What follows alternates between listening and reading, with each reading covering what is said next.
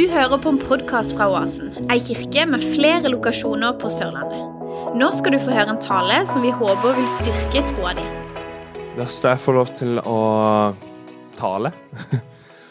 og eh, vi skal snart, eller neste søndag, så begynner vi på en ny taleserie som er Markusevangeliet. Og det er det korteste evangeliet i Bibelen. Og eh, essensen der Det er litt spoiler, men det går ut på at Jesus kommer. Jesus lever. Han lever et fint liv, han lever et perfekt liv. Og så tar han vår straff på korset. Han dør, og så står han opp igjen. Spoiler. Eh, men i forkant av det så vil jeg nå i dag snakke litt om Jesus i Det gamle testamentet. For det er ikke sånn at Jesus han bare dukka opp på scenen sånn ut av ingen steder. Jesus han var For det første, han er Gud som han har alltid vært. Og det at han skulle komme, det var planlagt helt fra Eller tidligst vi får høre om at han var planlagt. Det er ved syndefallet. Så i dag så skal jeg bare snakke litt om dette her. Liksom Jesus i Det gamle testamentet. Hvordan vi ser både bilder på han, eh, liksom ting som skjer, som peker på Jesus indirekte, og direkte eh, varslinger eller profetier om at Jesus er på vei, at det kommer en frelser på vei. Men jeg vil begynne i Johannes kapittel 1.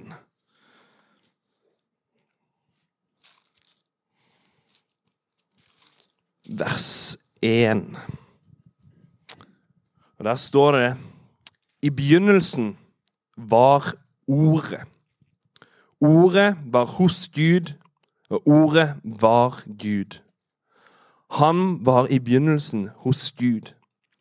Alt ble til ved ham, og uten ham ble ingenting til av alt det som ble til. Eh, så ordet I begynnelsen var ordet, og ordet er det her på gress så står det 'logos', eh, som man brukte for å beskrive liksom, grunn hvorfor, eller eh, eh, Husker det bare på engelsk, ikke var det på norsk. Men 'divine reason'. Liksom selve grunnen til hvorfor. Det er et ordet som Johannes her bruker for å beskrive Jesus. Og Han sier det at i begynnelsen var ordet. Helt fra begynnelsen, før verden ble skapt, så var ordet Ordet det var hos Gud, altså det var sammen med Gud far. Men ordet var også Gud. Han var ikke bare noe som kom på scenen. Liksom, han var ikke sånn her, hjelper til Gud. Han var ikke sånn her annenrangsgreie, men han, er, han var Gud. Og han var i begynnelsen hos Gud. Og alt, absolutt alt som vi ser, det ble til ved ham. Og uten han så ble ingenting til av alt det som ble til. Altså, Jesus han var fra begynnelsen, og det er han som ble alt til. Han bare dukka ikke opp eh, plutselig en kveld i eh, Betlehem, men han var fra begynnelsen. Og Det skal vi nå gå litt gjennom og se på. Eh, jeg glemte å hive det bibelverset opp på eh, powerpointen, men eh, det går bra. Så skal vi se. Fordi, som sagt, Jesus var i begynnelsen. Han skapte verden, skapte mennesket. Mennesket falt. Og eh, da kommer Da skaper man et skille mellom Gud og menneske. Og mennesket de gjør den ene tingen de ikke skulle. De spiste av det, ene, det ene treet. Så mange trær de kunne velge. De valgte å spise av det ene, som gjorde at det mennesket og Gud ble separert. Og allerede etter dette her så kommer Gud og snakker med dem. Hva er det dere har gjort for noe? Hvorfor gjorde dere dette? Og så får, man, får de straff. Kvinnen hun skal føde sine barn med smerte. Mannen må slite når, for å tjene til livets opphold og sånne ting. Men så kommer det et lite et lite sånn påskeegg. Gud bare slenger ut et lite påsteg, allerede helt i begynnelsen her. Og Han sier det i første Mosebok 3, vers 15. Så sier han det. Han sier dette her til slangen, altså til djevelen. Jeg setter fiendskap mellom deg og kvinnen, mellom din ett og hennes ett.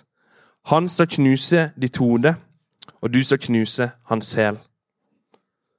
Så allerede her så begynner det med at OK, nå er, nå dere, nå er det splittelse her. Men hvis det en dag får slutt på dette, hvis det fikser dette her igjen Og så har du masse i gjennom Bibelen. Det er liksom over 400-500 direkte referanser til Jesus i Det gamle testamentet. Eh, bibelforskere er litt uenige i akkurat hva som er og ikke, men ca. mellom 400-500 direkte referanser til Jesus. Og da har du sånne enkle som denne her, men så har du f.eks. ettertavler fra Adam til Noah, hvor ser du på betydninga av navnet, så har du evangeliet hvor det står 'menneske'. Nå tar jeg bare oversetter liksom betydningen av hvert navn. og det. Mennesket satte seg i en beklagelig situasjon. Eh, det er liksom eh, også Den høyt opphøyde kommer ned, og hans død bringer den falne hvile og trøst. Det er cirka sånn det er. Og det er, liksom, det er bare navnene fra Adam til Noah. Så finner du evangeliet fletta inn der. Og så har du i Mosebøkene så har du eh, Jakob, eller Abraham som blir utvalgt, og videre med Isak og Jakob. Så får vi vite når Jakob velsigner sine sønner, så sier han at konge Spiret skal ikke vike fra Juda. Og liksom gjennom hele her så har du i hvordan eh, Det står i Johannes 3, 16, eller Johannes 3 så snakker eh, så peker Jesus på enda en referanse, et sånn bilde på han i Det gamle testamentet. Det er ikke en direkte profeti, men et bilde på hvordan eh, det som skjedde i Det gamle testamentet, peker på Jesus. Som jeg leste i stad her. I begynnelsen var Ordet. Dette her er også Ordet, folkens. Så hele Guds ord, det er Jesus. Hele Bibelen den peker på Jesus på en eller annen måte. Så i Johannes 3 det er vel et av de mest kjente kapitlene i hele Bibelen, vil jeg tørre å påstå. Så snakker Og vi er vel vi er ofte vant med Johannes 3, 16. Men hvis vi begynner i vers 14, så står det På samme måte som Moses løftet slangen opp i ørkenen, slik skal også menneskesønnen bli løftet opp. For at hver den som tror på ham, ikke skal gå fortapt, men ha evig liv. For så har Gud elsket verden, at han ga sin sønn, den eneste, for at hver den som tror på ham, ikke skal gå fortapt, men ha evig liv. Som, denne referansen som Moses peker til her, det var når israelsfolket gikk i ørkenen. Så klager de på Gud nok en gang. Liksom Gud, Gud førte de ut i frihet. Og så klager de på det ene og de klager på det andre. og så innfridde Gud disse tingene. Men så klager de hele tida. Og så en gang så bare ble Gud lei, så han sendte masse slanger inn i leiren til israelsfolket. Og den beit, det var mange som døde. Og folket kommer til Moses og bare ber til Gud om at han skal komme og redde oss. Så Moses går. Han går til Gud og så spør han Gud, please tilgi folket. Du vet hvordan de er. Hva, sett redd det, liksom.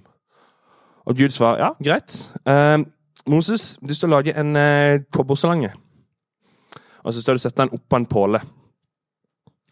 Og da hadde israelsfolket akkurat fått loven, og der sto det at man ikke skulle tilbe noe liksom utstårede bilder. Og det står også 'forbannet er være det som henger på et tre'. Så dette her er helt imot hva den loven man akkurat hadde fått. Men Moses han hadde lært at ok, eh, det funker ikke å krangle med Gud, så han gikk og lagde dette her. Så stilte han denne stolpen opp, og så sa han at det, alle de som ser på denne kobberslangen, de skal bli frelst. De skal bli helbreda. Han lagde det. Alt var tilgjengelig for folket. Det var bare å se på denne kobberslangen, og så ville de bli helbreda. Men de var nødt til å ta valget sjøl om å se på han. Det var folk som ikke valgte det, og de døde. Men alle de som så på han, de ble frelst. Så her har vi enda et bilde på Jesus. Men det jeg skal fokusere hovedsak på i dag, det er direkte profetier. Um, og litt den forventninga jødefolket hadde til denne Messiasen som skulle komme. Fordi at det, Messias var forventa helt fra Adam og så videre gjennom Abraham. Og nå spesielt så var israelsfolket under Romerriket. og romerne de var brutale. Og det, var, det lå en sånn forventning i lufta om at Messias skulle komme. Eh, så vi kan gå til Jesaja. Jesaja er faktisk en av mine favorittbøker i Bibelen. Jeg anbefaler virkelig å bare lese Jesaja. Jesaja den er vil, dere se at Gud er den samme i Det nye og Det gamle testamentet? Les Jesaja. Liksom, det er ikke én bok i Det gamle testamentet hvor du ser Guds nåde og Guds kjærlighet mer enn i Jesaja. Eh, så Jesaja 9 Det skal vi få opp på skjermen her. Vers 6 og 7. Der står det For et barn er oss født. En sønn er oss gitt. Herredømme er på hans skulder. Hans navn skal kalles under, rådgiver, mektig Gud, evig far og fredsfyrste. Herredømmet skal bre seg vidt, og freden skal være uten ende på Davids trone og over hans kongerike, for å grunnfeste det og holde det oppe med rett og rettferdighet, fra nå av og til evig tid. Herstarenes Herres nidkjærhet skal gjøre dette. Så når vi leser dette her, og setter oss inn i situasjonen til jødene De er undertrykta av fiender. De blir, de har, de blir pusha, de må betale skatt til en fremmed fyrste.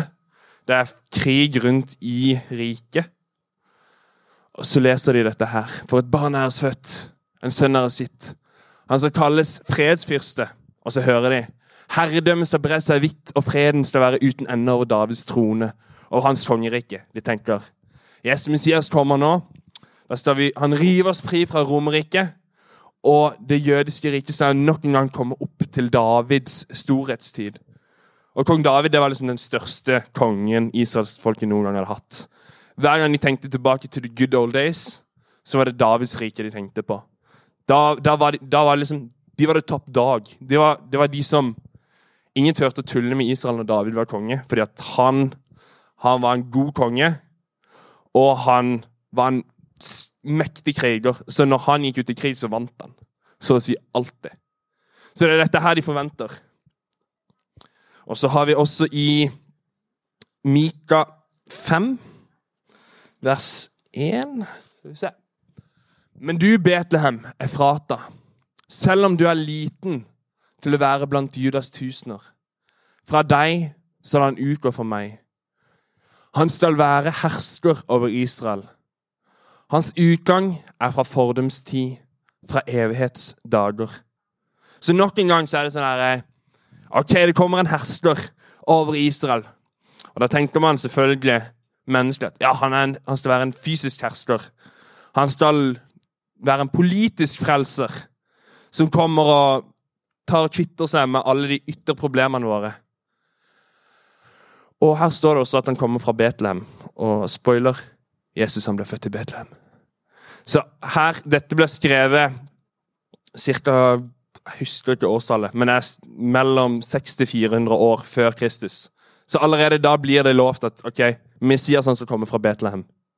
Og så er det der Jesus blir født. Så nå har vi sett litt på noen bibelvers, og vi forstår hvilken forventning jødene hadde. Vi forstår hvorfor de trodde at det skulle komme en, en frelser, en politisk frelser som skulle bli kvitt alle de ytre fiendene. Eh, og opprette politisk orden igjen. Det skulle ta Israel tilbake til storhetstida. Men Jesus, han eh, Han skal komme igjen. Og da skal han gjenopprette riket for Israel. Det spør disiplene om når er det som gjenoppretter riket for Israel spør i Matteus 20. Og Da snakker Jesus om det. Så han kommer. Dette her er sant. Han skal komme igjen og gjenopprette riket for Israel. Men det var ikke det han gjorde første gangen. Det var ikke den jobben han hadde da. Nå skal vi se på litt mer om Jesus første komme, og hva som skulle skje da. Da går vi til eh, min favorittbok igjen, Jesaja. Og når det kommer til Jesaja, så syns jeg den det er, så kult. Du kan dele Jesaja opp i to deler, sånn sett. De første 39 kapitlene. Og så fra vers, eh, kapittel 40 til 66. Altså de 27 siste kapitlene. Og for de som kjenner litt hvor mange bøker og sånt det er i Bibelen, så kan vi se her at de første 39 bøkene i Bibelen det er Det gamle testamentet. Og de 27 siste det er Det nye testamentet. Og Du vil også se en ganske stor forskjell på de 39 første kapitlene og de 27 siste. Blant annet i vers 40, kapittel 40 så begynner det med En røst roper i ødemarken. Rydd Herrens stier rette. Liksom, det begynner med en, med en referanse til døperen Johannes, som rydda veien for Jesus. Akkurat som evangeliene begynner med at Johannes gjør veien klar for Jesus. Og nå, For å gjøre det enda litt kulere, så kan du dele disse 27 siste kapitlene i tre deler, med ni, ni kapitler i hver del. Og den midterste delen, altså Jeg er ikke så god i matte, men eh, altså fra kapittel 48 til Altså ni kapitler fram. Det er det midterste. Og så deler du den i tre igjen, eh, som er liksom tre og tre. Da kommer du til fra 51 til Ja. Uh, ja jeg, fikk, jeg, fikk, diabetes av matte, så jeg er ikke helt god på matte. Men det går bra. Uh, nei, 52 til 54. Og i midten der har du 53. Kapittel 53. Og den moderne oppdelinga er litt feil når det kommer til kapitlene. Fordi at par, liksom, Denne delen vi står inn i, hvor jeg skal lese nå, den begynner egentlig i kapittel 52, vers 13. Og Hadde han begynt der, hadde kapittel 53 begynt der, hadde du fått midten av det kapittelet igjen. Der kommer vi til uh, dette her. Der står det sannelig, det var våre sykdommer han tok på seg. Det var våre smerter han bar. Men vi regnet ham som rammet, slått av Gud og gjort elendig. Men han ble såret for våre overtredelser. Han ble knust for våre misgjerninger. Straffen for at vi skulle få fred, rammet ham. Og ved hans sår har vi fått legedom. Så dette her er i midten, i midten, i midten av den nye delen. Av den siste delen av Jesaja. Liksom, det er kjernen, selve kjernen av Jesaja del 2. Og på samme måte så er det dette her som også er kjernen av evangeliet. Du finner ikke en klarere utleggelse av evangeliet i Det gamle testamentet enn dette her. Fordi det var våre sykdommer han bar. Det var våre smerter han tok på seg. Men vi regna han som ramma. Når Jesus kom, så så de på at nei, han er ramma. Han er slått av Gud og gjort elendig fordi han påsto å være Gud. Så det, nå er det Gud som straffer han. Det de ikke skjønte, det var at det var våre Han ble såra for våre overtredelser. Han ble knust for våre misgjerninger. Det at vi synda, det at vi gjorde feil, all den straffen som vi fortjente, den kom på Jesus. Og ved hans sår så har vi fått legedom. Og som vi leser videre her i vers 6, så står det Vi for alle vil som får. Vi vendte oss hver til sin vei. Misgjerningen vi alle var skyld i, la Herren på ham. Jødene de trodde at pga. at de hadde loven, så var de rettferdige. Men her peker Jesaja og sier at vi for alle vil som får. Ingen av oss nådde opp til Guds standard. Han gjorde det, men han tok også straffen for oss. For han ble mishandla og fornedra Likevel så åpna han ikke sin munn. Lik et lam ble han ledet bort for å slakte. Slik en sau tier når den klipper den, slik åpnet han ikke sin munn. Han var uskyldig.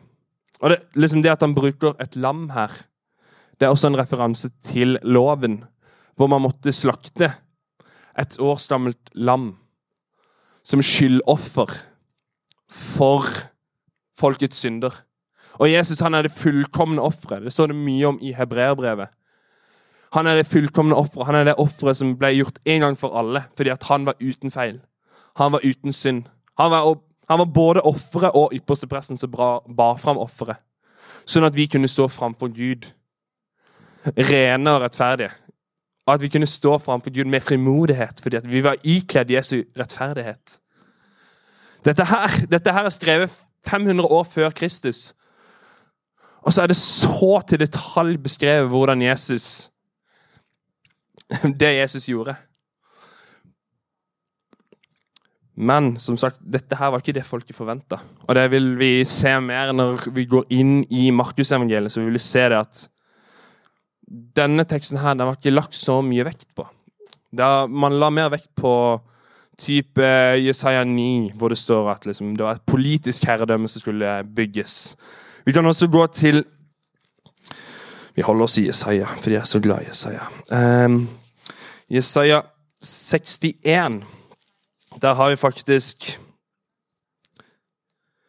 Jesus eh, leste faktisk akkurat denne teksten her når han var i sin hjemsynagoge, når han var på besøk i Nasaret. Så leste han denne her teksten her. Men nå skal jeg lese en del, og så skal, eh, er det én del her som Jesus ikke tok med når han leste i synagogen. Og så vil jeg så skal dere prøve å gjette nå. Hvilken del tror dere han ikke leste? All right. Så Jesaja 61, vers 1 og utover. Herrens ånd er over meg, for Herren har salvet meg til å forkynne evangeliet for de fattige. Han har sendt meg for å forbinde den som har et sønderbrutt hjerte, for å rope ut frihet for fanger, for å sette de bundne fri, for å rope ut et nådens år for Herren og en hevns dag fra vår Gud, for å trøste alle som sørger.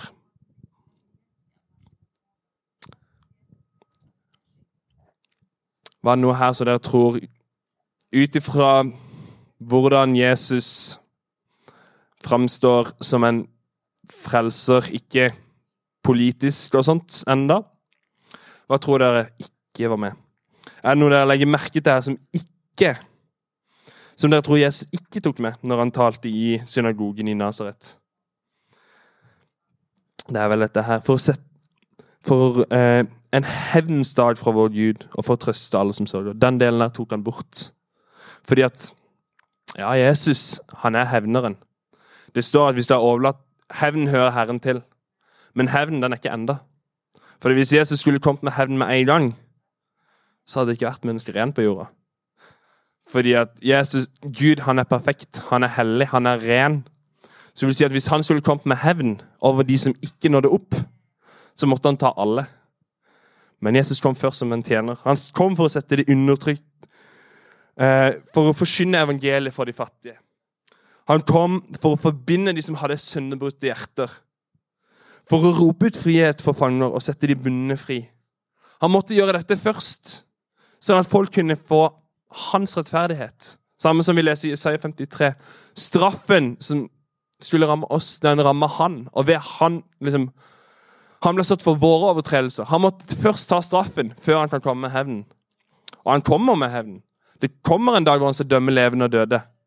Men han var først nødt til å komme med det fullkomne offeret for at vi kunne bli fri. Så til slutt nå så skal vi lese fra Salme 118. Fordi når vi ser disse her Vi har to ulike sider av Jesu komme. Og Israelsfolket forventa én side, og så kom Jesus på en annen måte. Så hvordan ville da reaksjonen være når, når det ble så krasj oppi hodene til folk? Da har vi Salme 118, eh, vers 22 og 23. Der står det Steinen som bygningsmennene forkastet, er blitt hovedhjørnesteinen. Dette er Herrens verk, og det er underfullt i våre øyne. Så det var det som skjedde. Nok en gang spoiler. eh, men var det som skjedde. Når Jesus kom, så tok de ikke imot han. Vi kan Tilbake til Johannes 1, så står det Han kom til sine egne, men hans egne tok ikke imot ham. Men alle som tok imot ham, dem ga han rett til å bli Guds barn. Og når vi nå neste uke skal gå inn i Markusevangeliet, så vil vi se dette her. At Jesus kom, og han forkynte evangeliet for de fattige. Han satte de undertrykte i frihet. Han satte fanger fri. Og noen tok imot han. Men de som du hadde forventa, de som var ledere, de som hadde religiøs eh, innflytelse, de tok ikke imot han. Bygningsmennene, de forkasta han. Men Gud reiste han opp og gjorde han til hovedhjørnesteinen. Og det er dette her vi skal få lov til å se. Dette, kommer, dette står også i Markus. Jesus siterer akkurat denne teksten her. At eh, bygningsmennene, er steinen som bygningsmennene forkasta, den er blitt til hovedhjørnestein. Og så sier han dette er Herrens verk. Det er ingen mennesker som kunne gjort dette her. Og det er underfullt i våre øyne. Det er for stort til at mennesker kan fatte det. Fordi Guds veier de er større enn våre veier. Takk for at du lytta til vår podkast. I Oasen har vi et kreativt, positivt og attraktivt miljø der vi drømmer om å se mange sunne menigheter. Ta gjerne kontakt med oss via vår nettside eller sosiale medier. Ha en velsigna dag.